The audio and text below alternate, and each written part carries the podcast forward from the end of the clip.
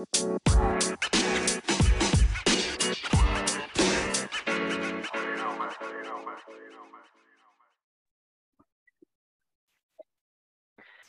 og velkommen til en ny episode av Jordbrukspodden. I dag er det dårlig med medprogramledere, men vi har en desto bedre og spennende eh, gjest. Trine Våg. Du, Trine, kan ikke du veldig kjapt, du må jo ha i hule, de som ikke har fått med seg hvem du er. Men kan du ikke bare si litt om hvem du er, og hvor du kommer fra, og hva du driver med?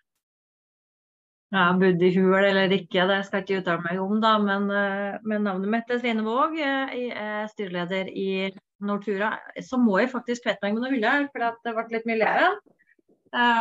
men men vent litt. Rann. Ja, det går godt. Ja, det var ikke så mye leven. Jeg hørte ikke noe til det. Så det gikk helt uh, godt. Null ja. problem. Som sagt, eh, navnet mitt er Trine Våg og er styreleder i Natura. Har vært det eh, ganske lenge nå. Jeg har sett på sjuende året. Eh, gjennom eh, både gode tider og krevende tider. Bor på Snåsa i nord i Trøndelag sammen med mannen min Jørn. Og vi driver med melk og storfekjøtt og korn. Uh, har en brotte med unger som er blitt stor, ellers har ikke dette gått an, for å si det sånn. Uh, og er egentlig aktiv på mange typer fronter. Det, det var litt om meg. Mm. Mm. Vi har fått inn noen spørsmål litt fra noen lyttere òg, så vi har en del forskjellige spørsmål. Det er mye engasjerte bønder med mye kunnskap rundt omkring. Så det setter vi stor Eh, pris på. Vi kan jo begynne med det som eh, tikka inn her i, i, dag. Så fikk vi jo en tekstmelding om litt nedgang på prisen på storfekjøtt og oppgang på, på eh, gris. Um, er vi litt sånn på storfe nå at det blir litt dårligere enn forutsatt i jordbruksoppgjøret? Og ser det ut som at 24 at vi får litt samme trenden som i 23, at det er vanskelig med prisuttak i, i markedet, at det blir litt standstill på storfekjøttprisen? Det er litt vanskelig å si, eh, men eh, altså, hvordan det slår ut i forhold til det som er lagt inn i jordbruksoppgjøret osv.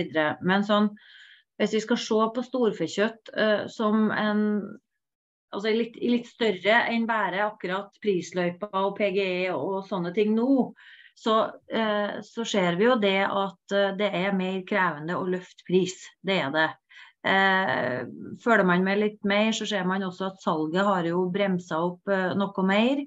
Noe skyldes jo eh, at folk et mindre storfekjøtt, men det har også vært, vært bra med utslakting. Det, eh, det, er god tilgang på storfekjøtt, for å si det sånn. Eh, så det, det, liksom det korte bildet så vil jeg si at ja, det vil være krevende å ta ut eh, noe som monner i prisbildet. Vi velger å la andre halvår stå uendra. Eh, det, det, er krevende å gjøre, men samtidig så er det viktig når vi, når vi har Vi har hatt ganske brukbare prisøkninger som vi har. Eh, fokuset på matpriser er stort, og vi har kjøtt på lager sånn som vi har nå. så tørsa vi ikke å gå lenger enn det vi, vi gjorde. Og vi ser det at uh, nedgangen i altså tregheten i salget, den fortsetter, uh, for å si det sånn. Så så det var nok riktig å være forsiktig, altså. Det, det var det nok da. Framover, altså for du, snakker litt det korte bildet, syns jo jeg, da. Eh, så vil jo jeg si at jeg er faktisk litt positiv med tanke på storfekjøtt. Eh, fordi at nå har det vært så mye negativt. Eh, eh storfekjøttet har jo i stor grad fått, fått skylda for for klimautfordringene våre. Det er liksom der vi skal gjøre det hvis vi skal redde klimaet, skal vi slutte å spise kjøtt bl.a. Eh, det har også vært diskusjoner, og er selvfølgelig diskusjoner, rundt eh, om det er bra for oss å spise kjøtt. Eh, og det er storfe som også trekkes fram, trekkes fram i stor grad der. Jeg opplever at den vinden er på tur til å snu litt. Og det gjør meg litt mer optimistisk, rett og slett. Fordi at nå er det leger, forskere osv. som sier at ja, men kjøtt er bra for oss. Kjøtt er bra for kroppen vår å ete. Det er også forskere som sier at uh, vi selvfølgelig skal mat uh, Det kommer til å bli klimautslipp av å produsere mat, uavhengig av hva slags mat du produserer. Men også at vi produserer i Norge uh, med lavere utslipp enn andre. Og vi begynner å få mer og mer tall også på sånne ting, som gjør at vi har bedre argumenter inn i diskusjon. Kostholdsdebatten er, er jo en av de diskusjonene som har rulla godt nå, hvor, hvor klima- og miljøfaktoren skulle vektes mye høyere. Og vi ser at Sverige bl.a. Eh, sier egentlig stopp en halv. Vi eh, må vurdere hvordan vi skal brødfø egen befolkning. og eh, jeg opplever at også politikerne i Norge begynner å kikke mer til det. Det syns jeg er positive signaler, som igjen gjør at jeg har tro på at storfekjøttet kommer til å ha en viktig plass. Eh, ikke noen mindre plass, men en viktig, god og stor plass også inn i framtida. Mm. Eh, på det kortsiktige bildet, nå har vi jo uh, uendra omsetningsavgift sist. Også som du er inne på, så er det jo større salgsnedgang enn forventa. Og mer innfrysning både på svin mm. og storfe. Neste kan vi forvente at omsetningsavgifta må opp ved neste korsvei med tanke på økte innfrysningskostnader. Og så litt det som du er inne på der med lange trender og ting snur. og Nå har vi jo òg litt det her kun eta kjøtt-trend òg, som er der. Og Personlig så tok jeg og prøvde det her en måned, faktisk. Og det fungerte som ei kule. Litt grønnsaker og veldig mye gilde karbonadedeig på på halv pris etter de raudagene. Det gikk en måned på det, og det kan jeg absolutt anbefale. Ikke har du vært inne på å teste en kun, kun, kjøtt, og kunne vært noe der og prøvd å spille litt på Altså være med og skape den sånn hype sjøl, på en måte. Dra i gang det en kjøtthype, eller hva skal jeg si. Nå er jo det egentlig eh, noen dietter som også ruller og går der ute, uten at vi at vi på et vis skaper den, for den er allerede skapt. Eh, og så tenker jeg at det, Vi har et sånt dialogmøte i forhold til helse eh, i Nortura-sammenheng for ikke så veldig lenge siden. Og en av de tingene som jeg merka meg, det var at forskerne var veldig tydelige på at ja, det er bra å ete mer, mer grønt, men skal du et, få folk til å ete mer grønt, så må de ha noe å ha i lamme, og da er det eh, kjøtt eller fisk som må være i lamme her for at du skal få folk til å ete det. altså litt sånn i det store bildet. Men ja, det funker fjell å ete mye, mye kjøtt. Eh, litt grønt attåt, det, det, er fint, for balansert kosthold er på et vis eh, det som ber seg i lengden. Det er det. Men både Fedon og, og keto er dietter som absolutt inne, er gode dietter sett med våre øyne, for å si det sånn. Mm. Mm. Ehm, så er jo som kjent så er jo Norge et land med lite prosent dyrka areal, og kun en tredjedel av det som er egnet til matkornproduksjon. Og kun 10% av den norske kornproduksjonen inneholder matkvalitet. Eh, og I et normalår så er jo det en 60-70% selvforsyning med matkorn. Eh, hvis vi skal dyrke mer matkorn og øke den andelen til kanskje 15-20 eh, så har vi jo en 80-85 eh, som skal benyttes til norsk kraftfôrproduksjon. Mm. Eh, hva tenker du om eh, altså, hvordan dette fremstilles i media, at mye av det norske fôrkornet er kraftfôr? Det er jo en sånn myte nesten om at alt kraftfôr er gift og det kommer fra utlandet. Mye av det fôrkornet er jo norsk. Veldig mye av det er jo norsk, eh, og det har du helt rett i. For det blir skapt et bilde som at vi, vi bærer eh, altså utenlandsk eh, kraftfôr. Vi importerer en del kraftfôr råvare, men, men det store og det hele så er det jo eh, norsk fôr også, også, det. Og så tenker jeg at eh, vi må jo optimalisere altså det med å øke norsk andelen i fôret. Det er jo en av de tingene som vi har som målsetting bl.a. Og det er rett og slett fordi at det har forbruker vært ganske tydelig på at det er viktig for oss. Eh, og at det er en måte å øke selvforsyninga eh, på. Men hvis vi da sørger for at vi bruker mer areal til å produsere fôr eh, i stedet for å produsere menneskemat, så går jo selvforsyninga ned. Sånn at vi må jo på et vis Eh, husholdere godt med de ressursene vi har. Og det det betyr, er jo at vi må bruke de arealene som er. Eh, vi må bruke beitene som er. Eh, og det er klart at det å drive aktiv beiting f.eks., det kommer ikke til seg sjøl. Det er mye arbeid. Og for, for dem som er avhengig av gjerder osv., så, videre, så er det òg ganske kostbart å holde på med. Så jeg tror man må være villig til å betale mer for at den jobben skal gjøres. da. Eh, det er ikke så rent sjelden at du kan få hjem dyr som, eh, som faktisk har vokst ganske lite på beite f.eks. Og da blir det en ekstrakostnad som, som bonden tar. Mm. For å være litt kritisk, da, som jeg noen gang er, og bli kritisert for å være for kritisk. Altså, det her er jo fine ord. Um, men hvordan klarer man da å, å, lage det bytteforholdet for bonden, sånn at det mm. faktisk har et økonomisk insentiv for bonden da, til mm. å høste mer fôr og bedre fôr og bruke mindre kraftfôr og være mer selvforsynt? For sånn mm. som det er i dag, så er det vel egentlig bare norsk kjøttfe som sitter litt den merkeordninga, som setter litt krav til beiting, og det er jo egentlig ikke noe veldig god kontroll der heller. Så spørsmålet er hva kan Nortura gjøre i praksis for at bonden får økonomiske insentiver til å levere på det, som igjen Nortura kan bruke i sin markedsføring? Altså, eh, Vi har jo ikke egentlig kommet dit at vi er veldig sånn spesifikke på tiltakene, men det vi er spesifikke på, er jo arealbruken. Eh, og Da må det jo stimuleres, mener vi, da, til at det er, eh, det er lønnsomt for meg og deg å bruke bl.a. utmarka. Skal vi få til det, så må vi ha muligheten til å gjøre det. og Det betyr at vi må ha tid til å gjøre det. Eh, og det kan godt bety at vi også trenger noen til å være sammen med oss på gården noen gang for å, for å få det til. Eh, så Det er jo liksom én vei for hvor vi jobber aktivt, og det er inn mot de politiske virkemidlene. Men så har jo vi også eh, muligheten til å stimulere via pris. ikke sant? At vi, vi sier at hvis, eh, hvis denne oksen eller denne kua er fôra sånn og sånn, så så får du den belønninga andre enden. Det vi har møtt som litt sånn utfordring på, på det området, er at uh, vi som eiere er veldig opptatt av at hvis, uh, hvis, du får muligheten til å gjøre det, så skal jeg òg ha den muligheten. Og når, når, vi må spre det utover uh, ganske med en gang, for å si det sånn, sånn at flere har muligheten til å være med og levere på sånne type konsepter, så er det vanskeligere for oss å få det til rett og slett kommersielt. Og Da blir det veldig, sånn, eh, veldig ofte sånn at vi ikke klarer å eh, finne økonomi i det, for da klarer vi ikke å slakte på et anlegg f.eks. Vi klarer Altså, det blir for mye transport imellom for å, eh, for å håndtere dette, her, og da detter økonomien. Og da detter bort, i stedet for at vi klarer å utvikle ulike ting i ulike landsdeler. Vi har jo mange områder som, som er gode på å bruke beitene, kan bli enda bedre og med eh, stimulans fra oss.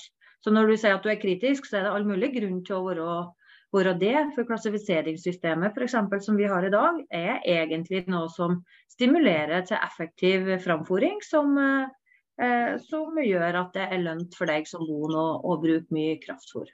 Så det er også en av de tingene vi er nødt til å se litt på. Så sier ikke at vi skal hive Europe-systemet over bord, men jeg sier at eh, vi må se på helheten.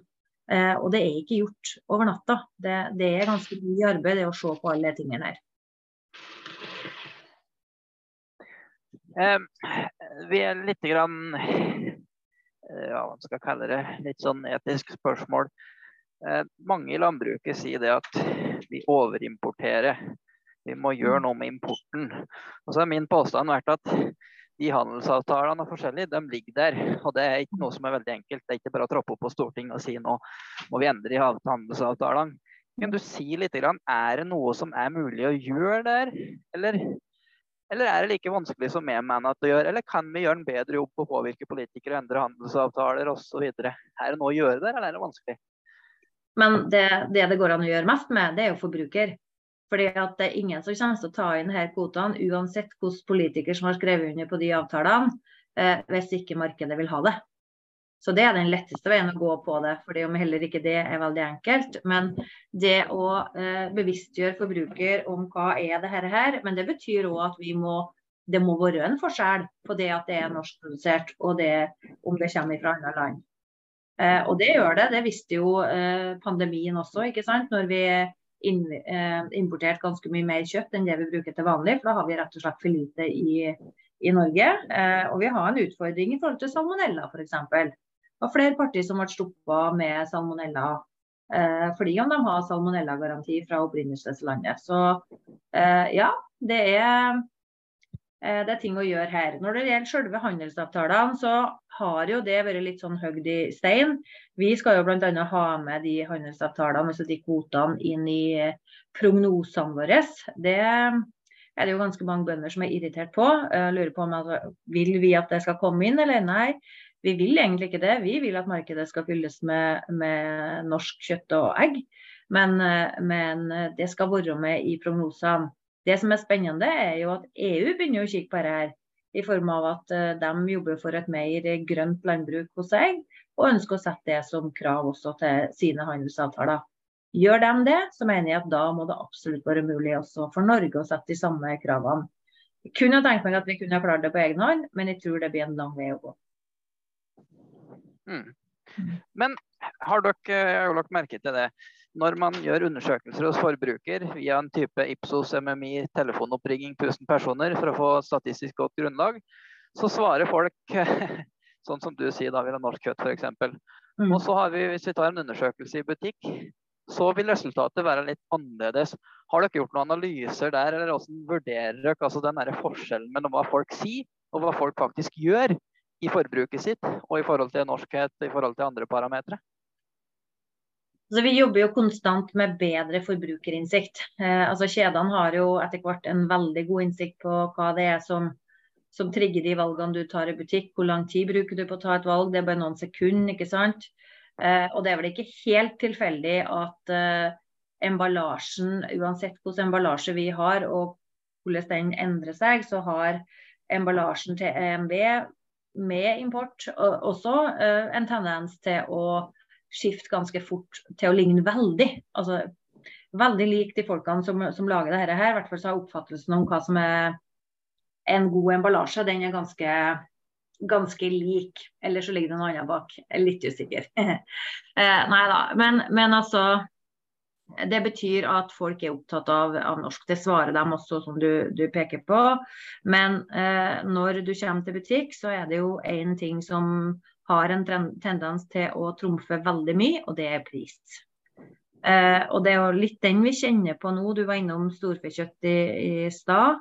Eh, og pris til bonde. Eh, det vi kjenner på veldig eh, i Nortura nå, det er eh, presset på at matprisene skal holdes ned.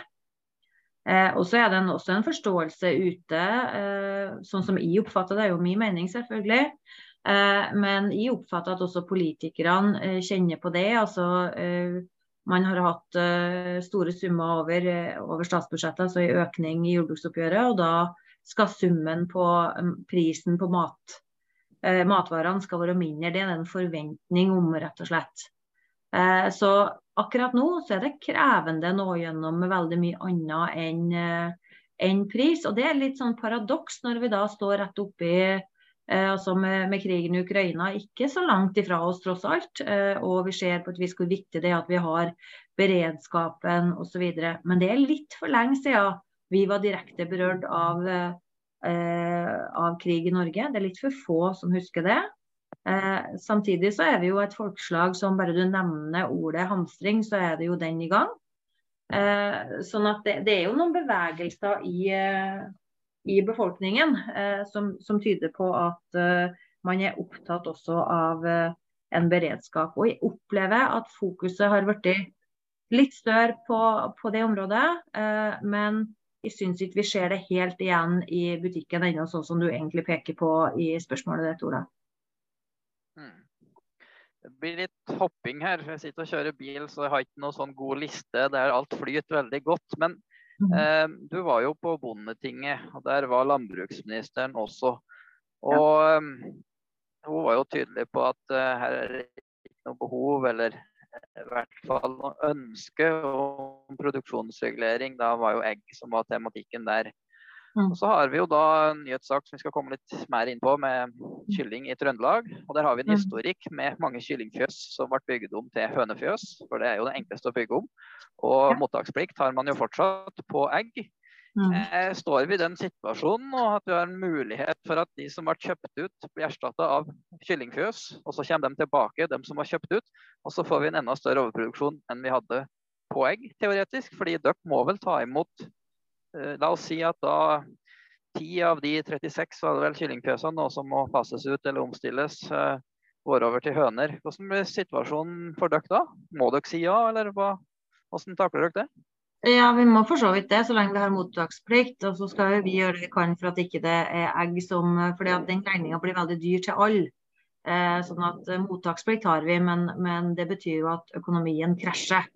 Eh, litt tilbake til, til hva landbruksministeren sa på Bondetinget. Jeg opplever jo at Eh, hun var tydelig på at hun var skeptisk eh, til å stenge næring. Eh, for vi har jo egentlig bedt om etableringshindre på egg.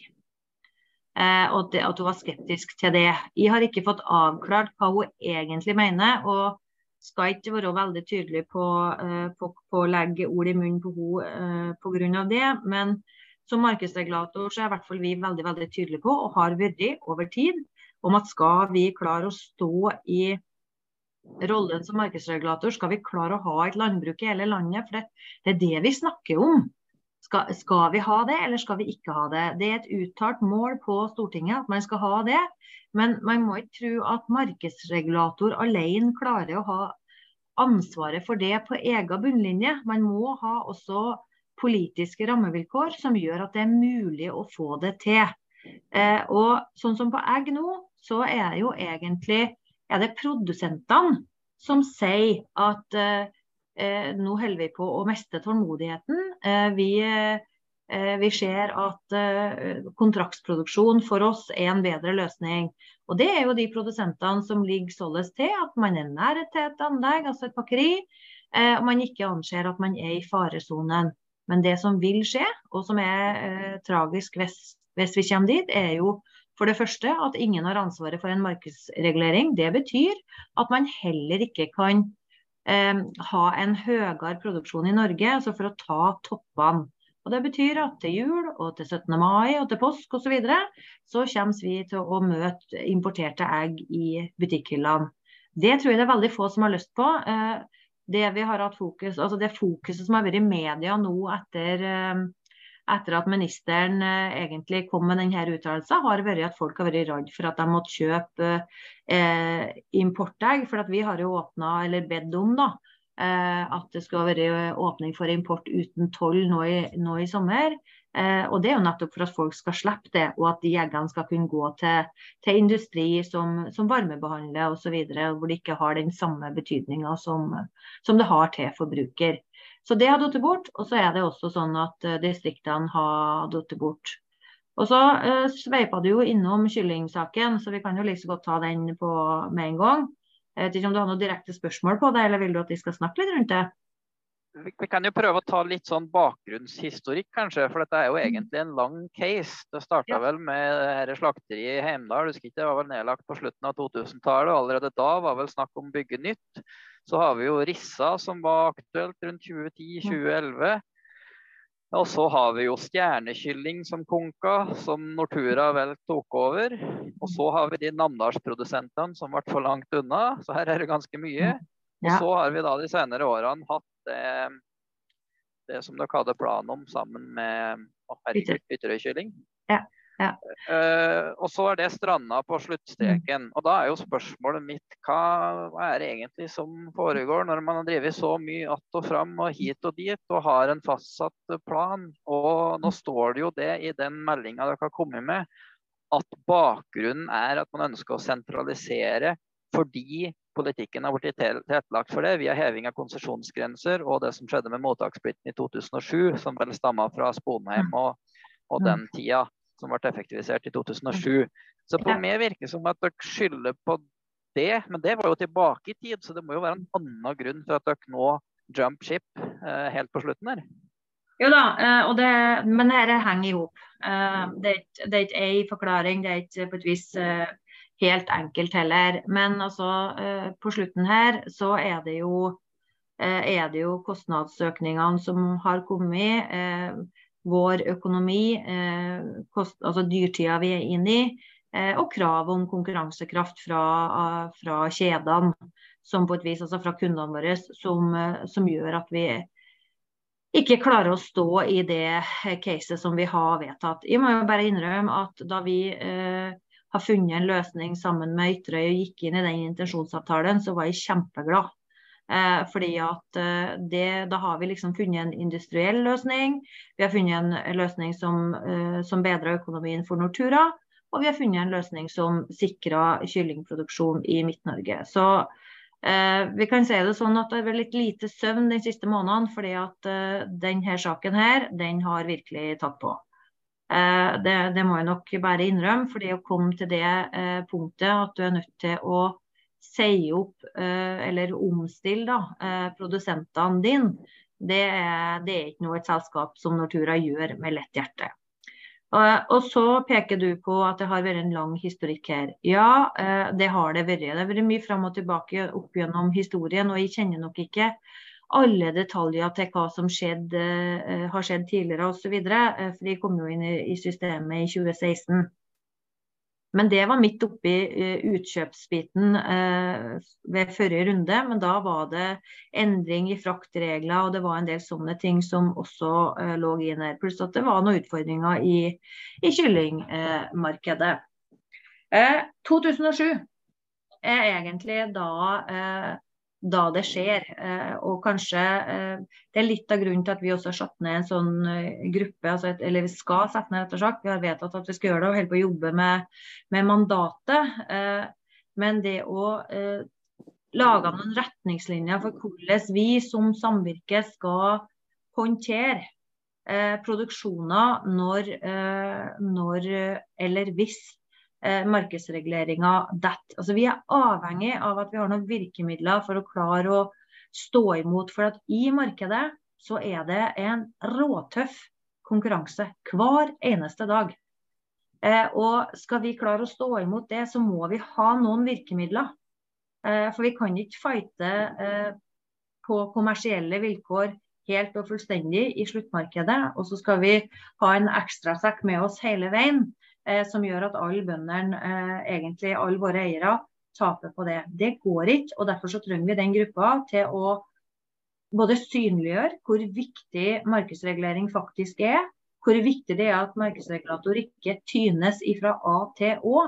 Altså bare Overgangen til, eh, til volummodellen har jo svekka markedsregulator fordi at man, eh, det er så mye mindre eh, handlingsrom, da. Bl.a. innfrysningsvolumet. Vi møter i Omsetningsrådet i morges for å, eh, for å gi en anbefaling til Landbruksdepartementet på om man kunne øke innfrysningsvolumet eh, på gris.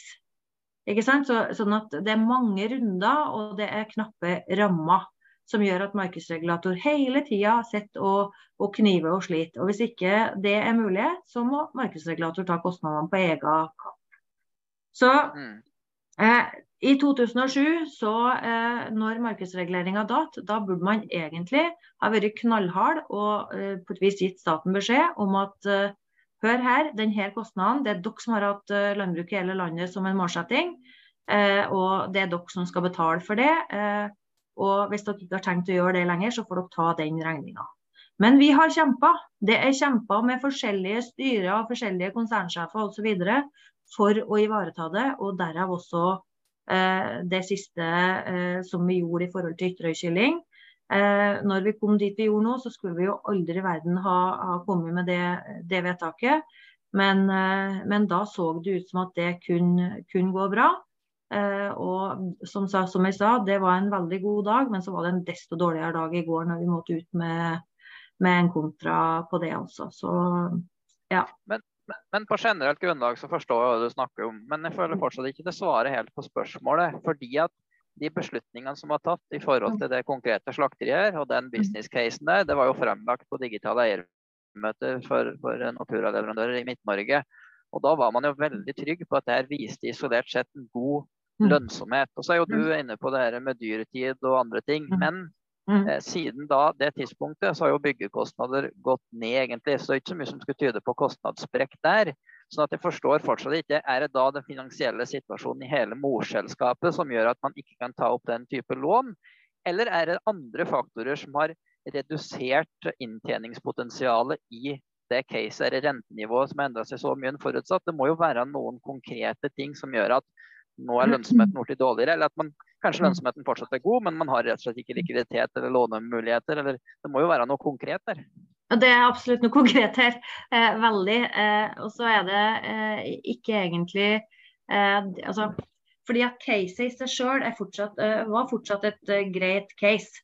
Men det er bare kravet til at vi leverer konkurransedyktig kylling har blitt enda mer skjerpa. Det vi konkurrerer med, er en konkurrent som heter Den stolte hane, rett og slett. Eh, og den konkurrenten har ett anlegg, produsentene ned seg, og på et vis, Hvis ikke vi klarer å levere kylling på nivå med deres prisnivå, så klarer ikke, da, da detter vi markedsandel. Altså, så enkelt er det. Eh, og så I tillegg så har du jo eh, usikkerheten rundt vår egen økonomi. Eh, og det å da å flytte volum eh, og øke lønnsomheten på altså flytte volumet til den fabrikken vi har, er en, en faktor som, som bedrer det økonomiske caset her.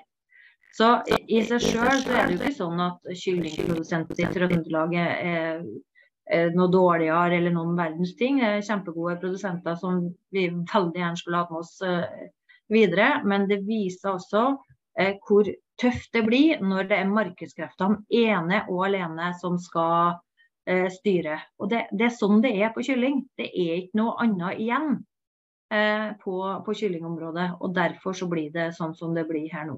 Så vi klarer ikke å sette og ta det, det hensynet til å eh, Altså ekstrakostnadene da, ved å ha, eh, ha en produksjonssted også i Trøndelag. Eh, det gir bedre økonomi å fjerne det herifra. Det var økonomisk eh, å flytte eh, altså legge ned Elverum og satse på, på, rør, på, Røra også, men det er ikke nok. Rett og slett. Det er ikke mm. nok. Mm det, det, var et mer betryggende svar, for å si det sånn, mm. syns jeg. Men, men, så reiser jo et nytt spørsmål, da. Fordi mm. at konkurranse handler jo òg om volum. Og nå er det vel sånn, du må korrigere meg hvis jeg tar feil, men Rema har vel, vel omtrent selvforsynt på kylling. Og så sitter de igjen med de to aktørene, og da forstår jeg at du skal da konkurrere med den stolte hane. Men hvis dere da mister volum, altså det er vel snakk om 36 produsenter, jeg vet ikke i snitt mye konsesjonen eller altså hvor mye de produserer per fjøs, men det er jo et betydelig volum. Du ser ikke noe risiko for at volumet går ned, og så får dere problemer i, i forhandlingene med kjeden? Eller hvordan, løser dere det? Tenker dere da å, å, ta opp den kapasiteten eh, med nye fjøs? Og så er det det med bærekraft i det her òg, da. Man skal liksom legge ned en haug med fjøs som er brukbare, og så skal du bygge en haug med nye fjøs, som vi vet hvor dyrt det er og krevende. Eh, Hvilke vurderinger har dere gjort rundt det? Nei, eh, akkurat det siste spørsmålet der er kanskje det jeg syns, sånn bortsett fra eh, hensynet til selve produsentene, for det, det, er absolutt det tyngste i denne saken her. Eh, så er det det her med at du, du har eh, betong og, og stål som, eh, som, er brukende ennå. Det er en diskusjon som vi har brukt en del tid på. Eh, men hvis alternativet var at vi mista marked, og f.eks.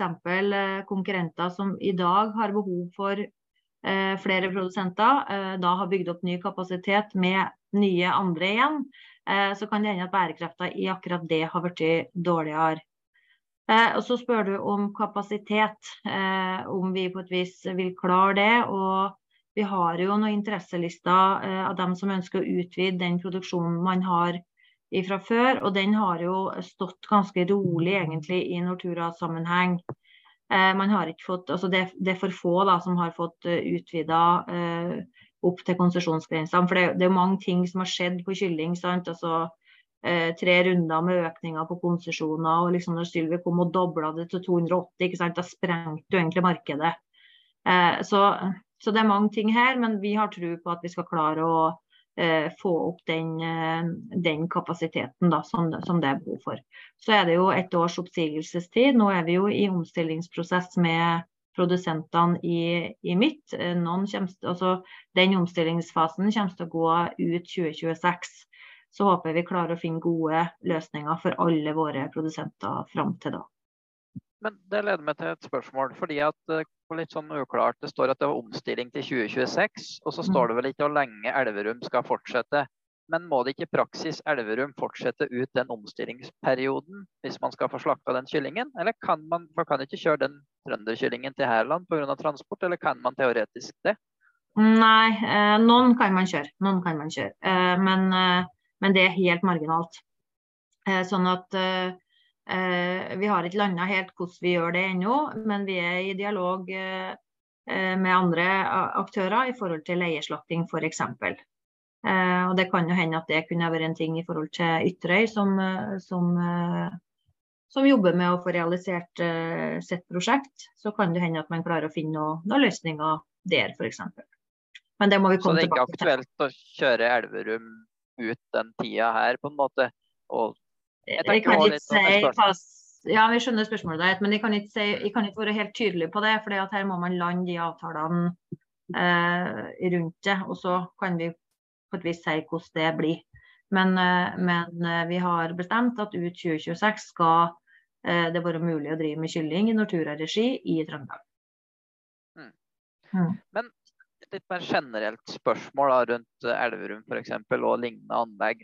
Altså, du har jo da den balansegangen, en, en sånn akse som møter innan ved et tidspunkt med at anlegget koster lite, fordi du har lite gjeld på et gammelt anlegg, og du strøyper ned på vedlikehold, i hvert fall på mm. fasader og utvendige ting, sånn at det blir hermetegn billig å drifte. Samtidig mm. blir det mindre effektivt og dårligere på energi og klima og sånne mm. dyrevelferdsparametere. Sånn. Altså, hvor, hvor er Elverum skulle å si på den aksen, eller er det vurderinger dere gjør? Altså, en bonde vil jo tenke at hvis du skal slutte om ti år, mm. så slutter du å koste på det fjøset, og så tjener du mm. faktisk litt penger på slutten av mm. løpetida. Er det sånn at når anlegg blir gamle, så er de så ueffektive at en sånn tankegang går ikke? Eller hvordan vurderer dere rundt sånne vurderinger? Nei, altså det er jo litt sånn individuelt, ikke sant. Fordi at så lenge anlegget går, så må det være, være ship shape. Eh, I forhold til krav som er fra Mattilsynet, i forhold til at eh, det må driftes osv. Men man reparerer jo i stedet for å skifte nytt. Eh, man gjør en del sånne ting. Eh, og så er det litt flere uh, ting som ligger til grunn enn på et vis bare det å slite ned fjøset sitt, for å si det sånn. For det, uh, det, er jo kjent på et vis at hvis du tenker at uh, nå skal vi ut av drift, så slutter du å, å investere. og du, du, tenker litt annerledes. Sånn at kravene i forhold til hvordan anlegget skal være, dem er er klar og tydelig. Men, men, vi tar jo ned alt vi kan, vi også, når vi ser at uh, det her ikke skal være med lenger. Veldig ofte, altså Vi har jo mange gamle skall. Uh, og de skallene kan jo ha ganske mye nytt inni seg. Uh, for det er mye betong som står i, i mye lenger enn 15-20-30 år, ikke sant? og som gjør en god jobb videre, og som planlegges for. Når det gjelder volum osv. Man kan jo si at eh, det vil være rimelig å drifte et anlegg som, eh, som kanskje er litt nedskrevet eh, osv. Så videre, sånn som kanskje Elverum kan sies å, å være. Men det som er, er at når du får linjer som blir så mye mer effektive fordi at du får volum gjennom anleggene, eh, altså, med, altså, de tonnene som kommer fra Elverum og etter hvert fra Trøndelag til Hærland, så, så, får du brukt råvaren på en helt annen måte. Eh, og du, eh, du får utnytta eh, kapasiteten på en optimal måte. Og da altså her vi snakker øre per time, som gir store utslag. og det er litt annerledes enn når jeg tenker på min egen gård, så er jeg ikke fullt så god på å tenke på øre per time, men her blir det store, store summer av sånn type effektivisering. Mm. Men, men Hærland, da. Vi skal ikke gå tilbake dit, for det var jo en skikkelig smell. så vi skal ikke snakke om det, Men ja. det må jo være bygd med en voldsom overkapasitet i så mange år. Hvis du kan ta hele Elverum inn dit på én smell uten å måtte koste på jævlig mye. Er det noe litt merkelig planlegging, eller det høres jo litt rart ut da, hvis du bygger en skole som, i en kommune som har plass til 70% mer elever omtrent. Hvordan må dere gjøre store investeringer der, eller er det så stor overkapasitet? Nei, vi må ikke uh, gjøre store investeringer der. I uh, det her siste uh, saken her nå, så ligger det vel ti, millioner inne i investering. og det handler jo om noe dyrevelferdstiltak, uh, bl.a. som vi har måttet gjort uansett. Men, men det ligger nå i hvert fall inne i saken. og det som er forespeila meg, at vi ennå har kapasitet til å vokse i ganske mange år framover. fordi om vi legger volumet til, til Elverum og Trøndelag eh, dit. Så ja, man har bygd med en bra overkapasitet. Eh, så skal jeg ikke si hvilke planer som lå bak det, for det var liksom ganske mye før min tid man gjorde de avgjørelsene der. Eh, men det er jo realiteten. At man har bygd med stor overkapasitet. Mm. Og da stiller man jo spørsmålet hvorfor gjorde man ikke bare det her for fem år siden eller sju år siden, eller eller med en gang. Det virker litt sånn noen ganger som at man liksom kommer så på etterskudd hele tida, og så blir man tvunget til å ta avgjørelse istedenfor at man kommer på, på forskudd. Det er den følelsen du sitter, på, sitter, med, eller er det sånn at det er litt, at det er litt ja. lett, enkelt å være etterpåklok for oss som sitter utafor? Ja, altså når vi først kom dit vi er nå, eh, så kan jeg jo si at fogeren, hvorfor skjedde ikke dette her i 2007, liksom? Eh, når, når, det datt, eller da var det for tidlig, for da var jo ikke engang eh, Hærland bygd. Men, men forrige gangen man har utkjøp, f.eks. at man har gjort det her i 15-16. ikke sant? eh, i stedet. Ja, eh, men det er lett å være etterpåklok. Og for å si mine vurderinger oppi her er på et vis at det aller siste vi skal gjøre, er å flytte på produsenter og flytte på produksjon. Eh, jeg syns det er et nederlag for norsk landbruk at vi er nødt til å gå dit. og Derfor så har vi virkelig kjempa for at ikke vi skulle komme dit. Det er lett å si at ja, men det burde ha vært gjort før. Og det er det eh, mange som sier også, men jeg må si at uh, her er den tyngste avgjørelsen jeg har tatt. Vi har tatt mange tunge avgjørelser etter at jeg kom inn i styret i Nortura, altså. Men herren var, den var tøff. Mm. Men er vi litt med kjernen ved problemet med kanskje i hermetegn beslutningsvegring? At man er i et skjæringspunkt mellom å drive litt landbrukspolitikk og å drive butikk? Og at man ikke helt klarer å rendyrke hva som er hva? Kan det være litt bak? Er det en tanke? Jo, men det er det jo, for har vi jo bare tenkt butikk, så uh, den dagen Hærland har åpna, så skulle jo alt ha vært flytta dit. Ikke sant? Det er jo butikken i det. Så ja, eh, selvfølgelig. Men så er det noe med at vi er et samvirke. Vi har eiere, og alle eierne er verdt akkurat like mye. Uavhengig om du er liten eller stor, om du driver med kylling eller sau eller hva du driver med, så er du akkurat like mye verdt i selskapet. Og det er jo det som ligger bak eh, at man bruker for lang tid på, på sånne avgjørelser som dette her. Det, ja. Det, det, er litt sånn. Mm. Vi var litt innom det, vi snakka mye om kylling. Der har vi hatt en bra vekst. Og sannsynligvis er jo det et kjøttslag som vil helle seg godt, fordi det er en priseffektiv vare. Du får mye energi og protein rett og slett når du handler det kjøttet i butikken. Det er effektivt, det kommer vi ikke utenom. Um, så har vi utfordringer på storfe og, og sau. Uh, så er det jo sånn at et nytt kyllingfjøs nå, uh, hvis dere får en ny leverandør på konsesjon, så får den et tilskudd på 1,2 millioner nesten uh, i prisnedskriving. Uh, i Jordbrukspodden og flere andre har jo tatt til orde for at dette er rett og slett helt totalt bak mål. At du bruker så mye offentlige skattekroner på å subsidiere den produksjonen som er billigst å produsere, og som samtidig jo henter mye av fôret sitt eh, fra utlandet. Og lite peiting, i hvert fall, og bruk av de utmarksressursene vi har i Norge. Samtidig som du da utkonkurrerer mørke kjøttslagene den her ulogikken hvorfor, eh, hvorfor, driver vi med det her egentlig? Må vi drive med det? Og er det ikke noen andre måter å sørge for at vi ikke får, eh, får hjemmemaling og sentralisering? Og nå er jo sentraliseringa der uansett, virker det som, på kylling. Så hvorfor i mm. alle dager skal vi subsidiere dem? Kan ikke det bli tatt ut i markedet? Og la nå de ammekubøndene og sauebøndene få de tilskuddskronene som kyllingbøndene får? Det er jo ikke noe lite spørsmål du egentlig eh, stiller, da. Vi har vært åpne for, uh, for, å se på også prisnedskriving, men jeg vil si også prisnedskriving. fordi at vi må se på alle virkemidlene i eh, landbruket. altså Hvordan virker de? Uh, har det endra seg, sånn som du sier nå på, på kylling f.eks.? Har konsesjonene blitt så store? Har på et vis effektiviteten blitt så bra at man egentlig ikke trenger denne type kompensasjon? Uh, Uh, altså bare for å ta kun det prisnedskrivingsbiten. Og så er det jo mange som sier at ja, men da kommer eh, hjemmemalinga og osv. osv. Men, men jeg tror likevel at det har vært sunt å tatt en real, ordentlig gjennomgang på det. Eh, fordi at eh, det har gått an å differensiert også, sånn at eh, det ikke har vært det samme. Eh, men å si at du skal gjøre det ene eller det andre uten at du har hatt en skikkelig gjennomgang på det, syns jeg er litt uansvarlig. Eh, fordi at det er litt sånn at landbrukspolitikken henger i hop. Den henger i hop altså fra A til Å, eh, og det er så finmaska. Eh, og derfor så, altså, jeg, er, jo den som er, mener at vi burde ha tatt en gjennomgang på sona osv. Jeg får jo ikke akkurat uh, kred for det. Uh, for å se Det sånn. Det er noen som syns det, det, er relativt uh, krevende, og det er det jo selvfølgelig. Men, men allikevel, vi har bedre kartmateriale i dag videre enn vi har tidligere. så dess mer penger vi putter inn, dess mer må vi på et vis uh, være sikre på at vi treffer. Og det gjelder også prisnedskrivinga. Så jeg har ikke noe tro på å bare legge lokk på en diskusjon og si at hvis du, hvis du kommer dragende med dette her, så er, du egentlig litt kort. Uh, for det opplever jeg mange ganger at vi i landbruket sier. Så jeg mener faktisk at uh, det har vært fornuftig å kikke også på prisnedskriving. Mm. Langt svar på egentlig noe som har gått an å sagt sikkert lettere. Mm.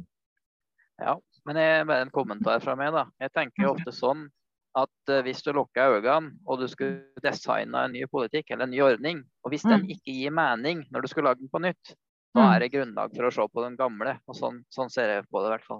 Ja. Det var bare en kommentar. Men Jeg er ikke uenig med deg i det. Absolutt ikke. Eh, nå har det vært eh, mye omstilling i Nortura og, og femårsplaner og forskjellig. Mm. Hvor er Nortura om ti år, f.eks.? Hvis man ikke klarer å nå disse omstillingsbehovene, eh, har dere liksom tanker om så Markedsandelen har jo gått ned, og man, man sliter liksom på mange Eh, fronter. Risikerer vi at markedsandelen blir så lav at man mister markedsregulering osv., eller tror jeg på at uh, dette vil balansere seg nå, at man ikke vil ha en like stor nedgang som man kanskje har hatt de ti foregående årene? Jeg tror jeg har eh, ikke sittet som styreleder hvis ikke jeg har trua på at vi skulle klare å nå de målene vi har satt oss. Eh, da tror jeg jeg har vært å sagt takk for meg for lenge siden. Jeg, jeg har tro på det. Jeg har tro på at vi har eh, satt oss noen mål som vi kommer til å nå. Og så er det litt sånn Det kommer noen humper i veien. Det kom noe pandemi, det kom noe, noe dataangrep osv. Så, og så, så OK, vi må håndtere også det. Eh, og så må vi komme gjennom. Kan vi bruke et år eller to lenger på å være gjennom, men allikevel så må vi det. Eh, og så det her jeg sa i forhold til at vi setter ned en gruppe som skal jobbe med, med markedsregulering og, og synliggjøre på et vis eh, viktigheten av, uh, og kanskje også litt i forhold til, til, hva som må styrkes, så er jo det nettopp for at vi skal klare å bevare et landbruk i hele landet, uh, og for også å styrke markedsregulator. For vi kan ikke bare sitte rolig og se på at vi, at vi svekkes hele veien. Vi må ha de samme konkurransevilkårene som våre konkurrenter. Eh, så enkelt og så vanskelig egentlig det. Når det gjelder, eh, når det gjelder markedsandelen, altså det at eh, våre konkurrenter vokser veldig, det, altså det, er jo fordi at det er mulig å gjøre det, og sikkerhetsnettet er der allikevel. Men jeg tenker at vi som produsenter, altså vi som bønder, må gjøre oss noen tanker på hva er viktig for oss. Er det kun Eh, den 50-øringen ekstra eksempel, som du kan få noen gang hos, eh, hos konkurrent, eller, eller, er det noe mer enn det eh, som er viktig her. Så det er vi bøndene som bestemmer hvordan det blir framover. Hvis man bestemmer seg for at Nortura ikke skal ha altså Flere og flere tenker at det er kun er nuet, og det er kun eh, det individuelle for min egen del som, som bonden som teller for meg. De andre får ta seg av fellesskapet. Så Eh, får man jo se hvordan det går, for å si det sånn. Men jeg har tro på at norske bønder eh, skjønner dette her, og at vi klarer å opprettholde en kritisk masse også, eh, også i landbrukssamvirket, for å si det sånn. Jeg tror vi har en viss form for sjøljustis internt i næringa. Mm. Mm. Men det, det, forutsetter at vi gjør riktige grep og at hverdagssamvirket fungerer hos oss. Så vi må gjøre jobben, vi òg, altså. Det er bare slenge på det, så det ikke høres ut som at det er opp til alle andre. For det er det ikke. Det er vi òg må gjøre jobben. Mm. Mm. Apropos det med å gjøre jobben og økonomiske insentiver. Mm. altså Det med bonusordninger til toppsjefer og sånn er jo mye som er debattert, og mange er veldig kritiske til det. Personlig så mener jeg det er viktig med økonomiske insentiver til dem en har ansatt, fordi det er et insentiv. Men det som blir jo egentlig helt feil da, i et sånt selskap som Nortura, det er jo at bonusen blir jo gitt på bedriftsøkonomiske parametere. Mens det som egentlig er jo interessant, det er jo bondens parametere. Hva er det vi sitter igjen med? Burde man mm. ikke snudd opp ned på det? sånn at, fordi nå vil jo lønnes jo hele råvarekostnaden nede i teorien, for da kunne jo hele bonusen oppe. Burde man ikke ha andre bonusinsentiver som egentlig måler bondens lønnsomhet? Vi har det, vi. Vi har faktisk ganske eh, altså Nå har vi gått bort fra resultatbasert lønn da, fordi det var så mye diskusjon rundt det. og Til slutt så, eh, så ser konsernsjefen at uh, herre vil ikke. Eh, ba om å bli frata, frigitt for det, og, og ble det. Eh, men vi har arbeidet veldig mye med, med, nettopp å få til resultat. Altså, vi har ikke noe bonus, men vi har resultatbasert lønn. Dvs. Si at den framforhandla lønna, så var det en, en andel som, som sto igjen, og du fikk den kun hvis, hvis du leverte resultater. Og det var resultater basert på hvor, hvor fornøyd bøndene var, hvor stor markedsandel det var og sånne ting, men også økonomiske parameter. Eh, så, eh, så, vi har faktisk gjort den jobben med at eh, her skulle du ikke bare kunne selge et datterselskap eller noen sånne ting for å, for å få til en, en, økonomi. Du kunne heller ikke holde holde bondeinntekta nede for å, å, skape resultatet, og så eh, ta ut maks, eh, maks resultatlønn. Så, så, vi har faktisk gjort den jobben. Så jeg er enig med deg. Mm. Så når man da solgte var vel Matif, det IT-selskapet, så lå det allerede inne paramet andre parametere enn de økonomiske, bedriftsøkonomiske parametrene. Sånn at uh, det er vel noen som har hevda at her var et insentiv fra administrasjonen til å selge en lønnsom bedrift for å da kunne oppnå bonus. Men det kan du da avkrefte? Det er konkrete ja, det kan jeg avkrefte. Ja, absolutt.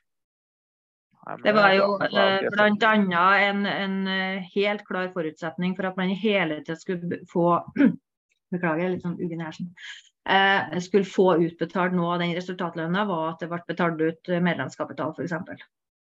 Så, så det var helt klare føringer opp imot hvordan eierne, eierne gjorde det. Det var det. Mm. Mm. Um, vi har vært med noe bondeopprør litt, og vi har regna litt på produksjoner og sånn for å se på hva er det som faktisk skal til da, for å skape en sunn økonomi. At du har råd til å nybygg, at du har råd til å ha en oppdatert maskinpark som står i henhold til helse- og miljøforskrifter osv. Samtidig som du skal ha forrentning på den kapitalen som er satt inn. Bl.a. på mjølk så har vi jo regna at mellom 3-4 kroner i melkeøkonomi det opp, må det opp. Har Nortura sine rådgivere satt opp litt grann, og regnestykker på altså hva er det som faktisk skal til på de forskjellige prisene for at bonden skal kunne ha en bedriftsøkonomi som, som andre. Og ser dere litt som oss at det er en ganske lang vei å gå hvis du skal forsvare et, et nybygg, et gjeldsnivå, forrentning av egenkapital, og at bonden skal ha et arbeidsvederlag på nivå med andre og kunne ha et uh, ferie og fritid som andre. Er dere enig i påstanden at da er gapet stort i forhold til den økonomien som må være? Uh, gapet er stort spesielt på, på grovfòrbaserte produksjoner. Uh, og så vil jeg si at uh, i forhold til de kraftfòrkrevende, så er regnestykkene Der har vi mye mer eksakte regnestykker også på Nortura-basis. Der har vi prisdokument og sånne ting, og det tar inn byggekostnader og Eh, forrentning av, av huset osv. Så, videre, og så, videre. så, eh, så der er det nok mye mer sånn at man treffer. Eh, og det er jo en av de tingene som bekymrer meg, at vi har for dårlige tall egentlig på, på de grovfòrbaserte. Da til at vi på et vis kan ha den samme sammenligninga. Og det, det, er en av de tingene som vi har, har jobba ganske mye med i Nortura-styret, men jeg syns ikke at vi kommer veldig mye nærmere på, på grovfòrkostnad f.eks. Det er for store variasjoner, rett og slett. Mm. Så egentlig du ha hatt bedre tall og parametere. Og det du mm. kanskje da sier, det er at det er faktisk enklere å få til en god økonomi i de produksjonene som har uh, bedre oversikt og, på kostnadssida. Mm. Um, um, nå er det jo litt forskjellige spørsmål. Altså. Det har jo vært et ganske lavt eh, resultat i Nortura. Eh, hva er med sånn profittmålene som dere har å, å, styre etter? Og så spørsmål to. Nå ser, dere har jo noen lån, jeg er litt usikker på hvordan de fungerer. Det er vel flytende rente og på de obligasjonene. De ligger vel ganske høyt nå. Og er en fare for at uh, når resultatene deres er svake over tid, at er det et tak på en måte der, eller kan teoretisk renta gå opp i 12% på de lånene? Vet ikke hva det ligger på nå cirka. Ser dere noe liksom risiko på den innlånssida der? Nei, eh, jeg kan jo ikke på et vis diskutere hele finanspolicyen vår eh, ut. Den er litt sånn intern, egentlig. Men eh, men eh, vi har jo fått høyere rent, ikke bare pga. rentenivået, men også fordi at vi har hatt dårlige resultater. Vi brøt jo Covenance-kravene, og, og det førte jo til, til, at vi fikk noe høyere rent, bl.a. Men vi bevarte de samme, eh, samme åndedraget ratinga vår, eh, og det gjør at vi Eh, står bedre rusta igjen. På finansiering så har ikke vi noe sånn mye som forfell nå, det, er noe til neste år igjen. Men vi har grei kapitaltilgang, god dialog med bankene osv. Så, videre. så spør du om hvor høyt kan det gå, og det skal ikke si noe om her. Men vi jobber jo heller for å få det nedover igjen. Altså, rentemessig og ikke minst de kostnadene. Så, så, det jobber vi aktivt med. Men det er litt sånn forhandlinger og sånn, så det kan ikke si så mye om. Eh, og så spør du om resultatmålet eh, vi har. Eh, og vi har jo Vi legger ut fram budsjettene våre, men jeg kan jo si at det resultatet som vi kom med første tertial nå, så har, leverte vi over målsetting. og det er bra, fordi det er tøft å ta igjen. Altså det er litt sånn at Første tertial så bruker vi egentlig å levere veldig dårlig resultat. Andre tertial så er det mer balansert. Og tredje så tar vi det igjen, for liksom det er jul som er den store kjøtthøytiden. Så, eh, så det henger litt i hop således. Eh, men vi har behov for, eh, for tall som gjør at vi kan investere bortimot en milliard i året. som gjør at vi også kan rullere medlemskapitalen vår og sørge for at du som eier er fornøyd. og da må vi nok løfte noen hundre millioner til eh, for at vi skal klare det på en, en, god og forsvarlig måte. Vi har jo lagt inn i det her industriutviklingsplanen at vi trenger å, eh, å løfte resultatet. Eh, den er jo på en 450 vel, millioner vel, hele den. Og det vi sa når vi kom med den, var jo at en tredjedel skulle gå til styrking av bondens økonomi, en tredjedel til styrking av selskapet og en tredjedel til, til økt konkurransekraft altså ha å spille på i markedet. Så det forteller litt. Og som vi sa litt, litt i stad, eh, det er liksom Øra per kilo utgjør ganske mye. Altså, vi har en omsetning på 28 milliarder. Det er ganske mye mm. penger, men vi har jo altfor lave marginer. Vi ligger jo på bruttomargin på rundt 3 eh, ikke sant? og det er jo altfor lite, rett og slett. Så vi må klare å løfte den. Men da må vi ta ned noen av de ryggsekkostnadene vi har. Vi er inne i en strategiprosess nå, og den kommer til å bli tøff. Vi kommer til å gjøre nye valg som, som noen kommer til å mene at det er feil, men som vi da antagelig lander på, fordi at vi tenker at det må vi for å rigge oss for framtida. Mm. Um, nå satt jeg litt usikker på det jeg tenkte på, men uh, hva var det jeg tenkte på, da? jeg gikk helt i stå nå. Uh, men jeg kan ta et annet spørsmål som har kommet inn, eller kanskje en litt mer en spørsmål slags kommentar. Jeg var litt inne på det. men det, altså, Vi har jo et kjøttkonsum på ca. 80 kg slakta skrått for alle dyreslag, inklusiv mm. import og grensehandel, sånn røslig. Og da kan man jo, og så vet jeg ikke akkurat hvor stor andel som er den norske eh, andelen av det, da. Men én krone kiloen, da, hvis det var en økning på det, så er det 80 kroner pluss moms per forbruker. Og hvis du sier 10 kroner, så er det 800 kroner. Og så er jo snittinntekta nå nærmer seg 700 000. Og da har du 80 kilo kjøtt. Du, du overlever vel på bare kjøtt nesten i hvert fall et halvt år, kanskje et år, hvis du er litt eh, nett dame. Um, og da er det jo vanskelig for oss da, som er utdanna bare agronomer og ikke har noe høyere utdannelse, å ikke forstå hvordan du da ikke bare kan smelle opp denne prisen, og så bruker folk litt mer penger på mat, og så tjener mm. vi penger. Noen av oss ser det jo så enkelt, da. Og så får vi liksom høre at nei, det får vi dropp i volum, og da blir det høyere kostnader. og mm. Er det ikke et paradoks når vi har et så kjøpekraftig befolkning, og så klarer vi ikke å ta ut denne prisen? Når Folk går til andre gata og kjøper seg Prada-vesker til 15 000, og så klarer ikke vi å selge kjøtt litt dyrere? Det kan du uh, absolutt uh, si, og det er et paradoks. Men så er det ikke sånn da at, uh, at det øker med ei kron i butikk fordi om vi øker ei kron til bonde. Det øker jo atskillig mer enn en det. Men så skal vi passe oss for å ikke ta ut det potensialet som er prismessig òg, for det er jo en sånn evig diskusjon. For det er jo kjøpekrafta og betalingsviljen som ligger til grunn for den prisen som blir tatt til sjuende og slutt i butikk. Det er det jo. Eh, sånn at, eh, det er en balanse mellom hvor hvis du skal få varen din mer konkurransedyktig, så er det ikke sikkert det hjelper at du tyner råvareleverandøren. Eh, det kan hende at den prisen øker uansett i, i butikk.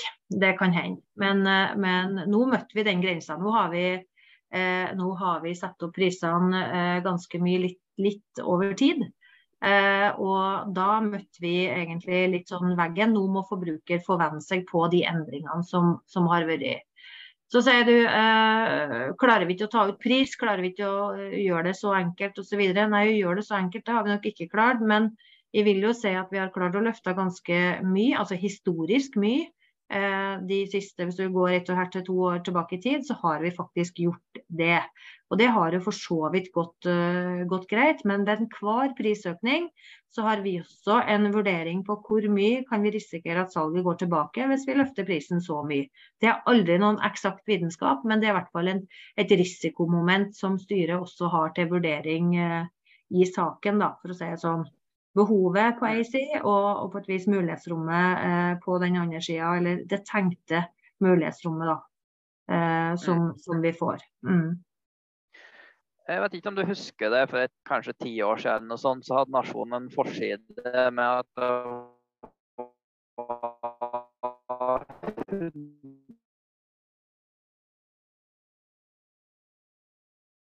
Datt du bort nå, da? Datt det bort? Nå kanskje jeg kom igjen? Ja, du gjorde det, sjø. En gang til. Ja, det var en tunnel her. Det var en det var en tunnel her. Nei, jeg vet ikke om du husker det, men For 10-15 år siden så hadde Nasjonen en overskrift at det var 100 lederstillinger per 10 lederstillinger i de sammenligningene, altså Fatland, Furuset og sånn.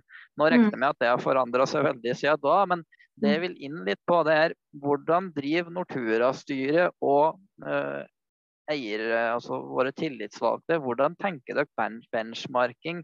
Hvordan, hvem sammenligner dere med? Hvilken kunnskap er dere henter? Er dere nå i utlandet og henter inspirasjon? Prøver dere å liksom uh, lure dere litt inn på Furuset og se hvordan Harald Dahl han heter, gjør det der, som er veldig flinke? Hvordan er dere liksom prøve å komme videre og finne ut hvordan skal vi drive best mulig? Er det konsulenter, eller altså, hvordan benchmarker dere? Liksom? Nei, Det er jo forskjellig eh, ut ifra eh, selskapet. Altså, styret har veldig fokus på, på overhead-kostnadene våre og eh, type indirekte stillinger og sånne type ting som det rapporteres på hele veien nå. For det, jo, altså, det, er, en, det er en ryggsekk som er for tung. Den må ned.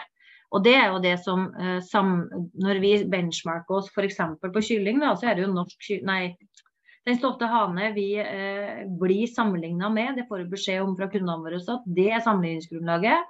OK, eh, da er det det vi har å forholde oss til. Så er det altså på kjøtt f.eks., altså på, på, rødt kjøtt, så eh, Danish Crown er vi absolutt å lete ideer. Eh, vi kikker jo også til både Furuset og Nordfjord og alle, vi, for å på et vis eh, se på gode ideer. Jeg tror det er litt sånn hele bransjen kikker til litt med skråblikk til hverandre. og så er det noen forskjeller eh, og noen likheter. Eh, vi kan benchmarke på, på slakting og, og, skjæring, og det, det gjør vi. Eh, og ser hvor vi ligger an der. Eh, noen rapporteringer så ser det veldig bra ut, og så gjør, gjøres det noen endringer. Og neste gang så kan det hende vi må gjøre tiltak for at vi skal være, være eh, gode nok, da, for å si det sånn. Eh, når det gjelder eh, det som er spesielt hos oss, er at vi i tillegg er på et vis har et eierdemokrati. At vi i tillegg har eh, type merkevarekostnader eh, til både Gilde og Prior. ikke sant? Eh, og det, eh, det, er jo en av de tingene vi skal diskutere nå i, strategiprosessen. fordi at vi er nødt til å lykkes bedre med merkevarene våre. Eller så må vi på et vis ta ned kostnadsnivået, sånn at vi ikke har med den store ryggsekken.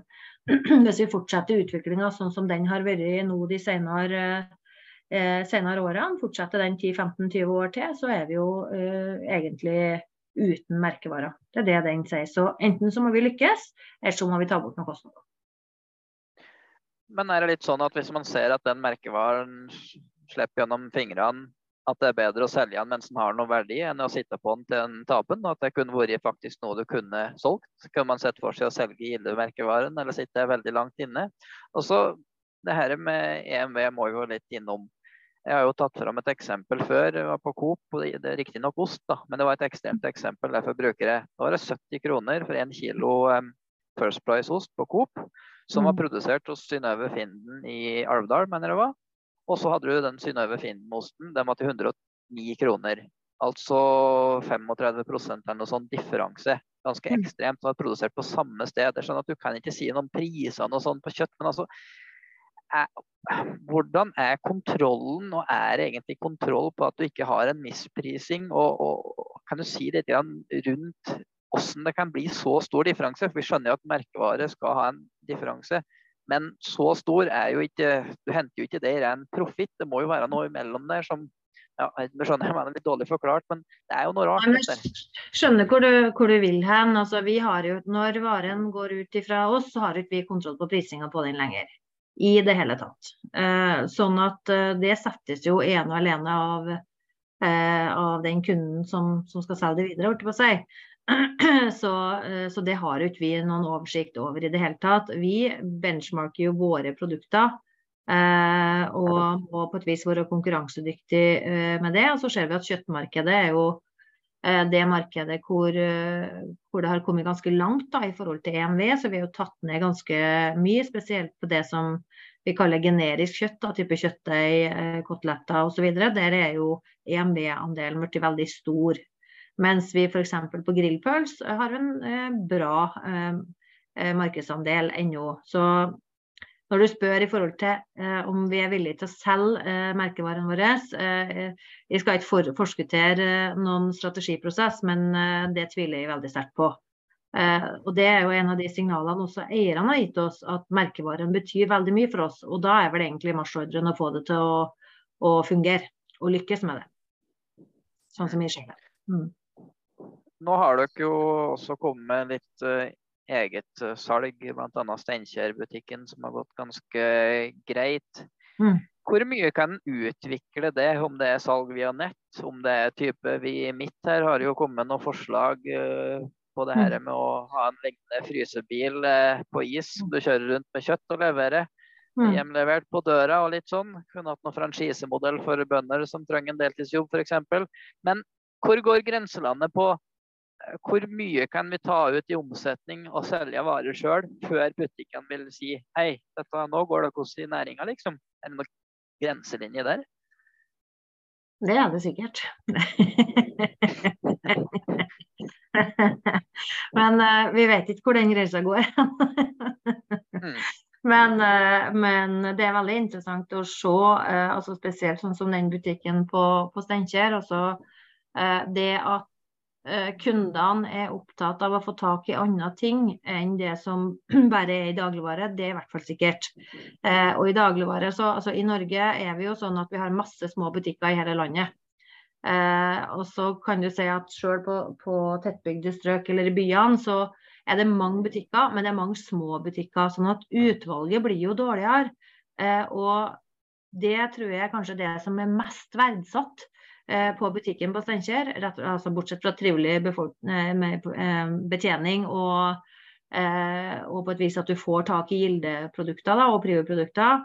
Men, men, det at du også kan etterspørre ting som du ikke finner egentlig i dagligvare, det setter man veldig pris på. Og Det er jo et signal som er, er viktig. Og Så spør du hvor mye kan man utvikle det videre. Vi skal ha en evaluering på det nå, nå på høsten. Jeg lurer på at den kommer i august, litt usikker, men jeg tror det. Eh, og da er det jo litt sånn eh, Lykkes vi med logistikken bak, og er det ting vi må gjøre med det? Men vi har jo mange anlegg som har en medlemsbutikk, og som i hvert fall kan åpnes, tenker jeg. Så eh, det å ta med seg suksesskriteriene fra Steinkjer-anlegget Og så er jo den butikken er jo absolutt ikke ferdig utvikla, og de har jo lagt inn en søknad om, om utvidelse til investeringskomiteen i, i, Nortura. Og det er jo også et ønske, eller et prosjekt som går eh, i forhold til den butikken, som handler om bondens kjøtt og det å få liksom den her Altså ta det konseptet da med, med lokalmat osv. litt tettere på, sånn at vi knytter Nortura, bonden og forbrukeren enda tettere på hverandre. For det er jo et marked som ligger der. Så, så, jeg tenker at det er mange ting her. Men så er det sånn at du spør meg egentlig om linja opp mot uh, uh, kjedene, Um, så er det skjedd ganske mye på, på det området også. og når, når våre produkter ikke er å finne eh, hos kjedene, så har vi et større spillerom, vil de tro. Men hvor grensa går hen, ingen eksakt vitenskap. Mm. er det noen, ja, nå er jo sånn at det, det Kjøtt og skinn er jo det vi kjenner til fra de her produktene. Og på kjøtt er det jo masse forskjellige biprodukter. Mm. Ligger det noen du er litt innom det, men ligger det noen uante muligheter, ting man ikke har sett der? Om det kan være revitalisering av gamle mm. matretter og ting nå som kanskje går i mm. kastedunken nærmest, og liten verdi. Ligger det mer verdier i innmat andre ting enn det vi er det noen nye forretningsområder? Jobber dere liksom, Har dere en som sitter på et kontor og kaster en tennisball i veggen og tenker hva kan vi finne på nå, liksom? Jeg vet ikke om jeg sitter og kaster noen tennisball i veggen, men at vi har mange som faktisk eh, jobber med utvikling. Og vi har jo mange døtre annet, som både leverer gode resultater, men også som jobber med mye spennende eh, ting. Og det er utvikling av altså bruken av hele dyret. Så én ting er jo det matmessige, som egentlig du peker på, men også å bruke sånn som på eh, når vi flytta skjæringa på, på, gris til Tønsberg, så noe av eh, det vi oppnår med det, eh, og som ber faktisk ganske mye av det prosjektet, det er at man kan utnytte eh, mykosen på eh, på en annen måte til, til da mer høyverdige produkter. Altså, kosmetikk og, og, og, medisin, holdt jeg på å si, det kommer jo over, eh, over, mat i verdi. Eh, og det å få flytta mer opp dit, det er, det er lønnsomt for oss å, å, gjøre stor verdi. Det krever bl.a. at du, du har, ikke har annet dyreslag inn på anlegget som være rent svineslakteri for at du skal kunne gjøre det, bl.a. Så det ligger noen sånne føringer som ikke har vært mulig for oss før eh, annet enn i liten skala da, på, på Steinkjer. Mm. Um, nå er det jo sånn at Dere kan jo ikke gå ut med utsalgsprisene deres. Og så er det jo sånn at Vi har jo full oversikt over hva som er prisen i sluttleddet i butikk.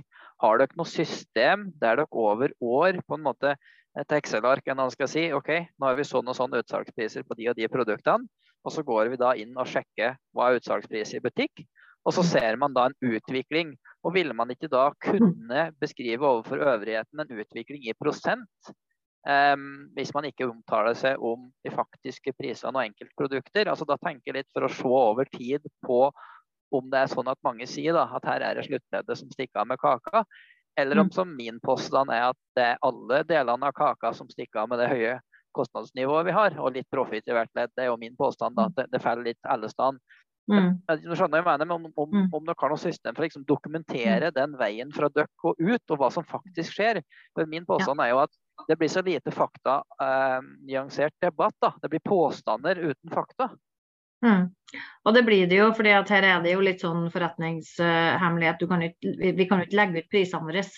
Eh, og hvis vi bruker prosent f.eks., så er det ikke så veldig vanskelig å regne seg tilbake. Eh, så, så, vi kan jo ikke legge det ut. Men vi føler det jo. Vi føler jo sånn som rundt juletider, når det var innmari mye fokus på matprisene, og det ble sagt at eh, her øker det så og så mye. Eh, vi ble jo beskyldt av enkelte for at vi har lagt på 20% og, og sånne ting. Det var jo det var flere prisøkninger tilbake i tid som du måtte legge i hop for å komme til det, for å si det sånn. Men, men, vi føler jo både hva markedet som helhet vokser i, i, pris, hva vi tar eh, og hva andre tar. Så det føler vi jo eh, veldig tett, ikke sant. Bruker det jo inn i forhandlinger og sånne ting også. For vi må jo, være, vi må jo vite hvordan utviklinga har vært, og hvordan, hvordan, pris man tar ut på, på, våre produkter. Vi vet jo hva den går inn for. og Da har du også en oversikt over fortjenesten som neste ledd setter på. Mm. Hmm. Eh, nå skal jeg ikke hefte det altfor lenge, her har vi vært gjennom ganske mye. Vi kunne jo heller på mange timer, for vi er jo så nysgjerrige her i jordbrukspodden at det er jo ligner ikke grisen. Men, men jeg må virkelig, jeg, jeg er bekymra da som en gårdbruker i Midt-Norge. Når det er 36 fjøs på sannsynligvis 1000 kvadratmeter til 1500 kvadratmeter som blir ledige et par år, da må jeg mm. si at da er jeg meget bekymra. Både for mm. dem som driver med egg, for meg sjøl som kjøper inn okser f.eks. Så jeg er bekymra for at fem av de fjøsene blir bygd om til oksefjøs f.eks. Altså vi eksisterende produsenter får ikke tak i oksekalv f.eks. Og andre typer. Og så vet vi at det er jo metta marked på, på sau og gris, og det, det, er ikke noe stort rom. Hva, hva, tenker du om omstilling av de her fjøsene? Liksom? Eh, hva vil det si? Er det noe annet enn husdyr? Er det husdyr? Eh, jeg deler jo litt min bekymring for at det her blir et problem for oss andre. Eh, tja, eh, tja, jeg vil si det litt sånn uklart, egentlig. Fordi at eh, vi har jo eh, altså Dette blir jo én-til-én-samtaler med de enkelte produsentene som nå er ramma av det vedtaket vi har, har fatta. Eh, og det er ulike forutsetninger, det er ulike størrelser eh, osv. På, på det her fjøsene som, som, det er til. Noen, har nettopp investert i varmevekslere osv. Noen har ikke gjort det. Uh, F.eks.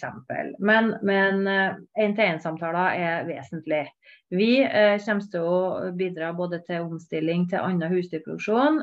Vi har noen åpninger som vi tenker at vi, vi skal råde i forhold til. Vi har noen behov. Og så er ikke alltid kan, kan løfte ut i den offentlige debatten, men, men det vil komme i én-til-én-samtaler. Så er det jo også sånn at det er et marked i vekst. Disse produsentene er uh, produsenter som våre konkurrenter, altså både ytrekylling og norsk kylling, kjenner veldig mange av disse produsentene fra før fordi at de har vært ledd ut eller har produsert for.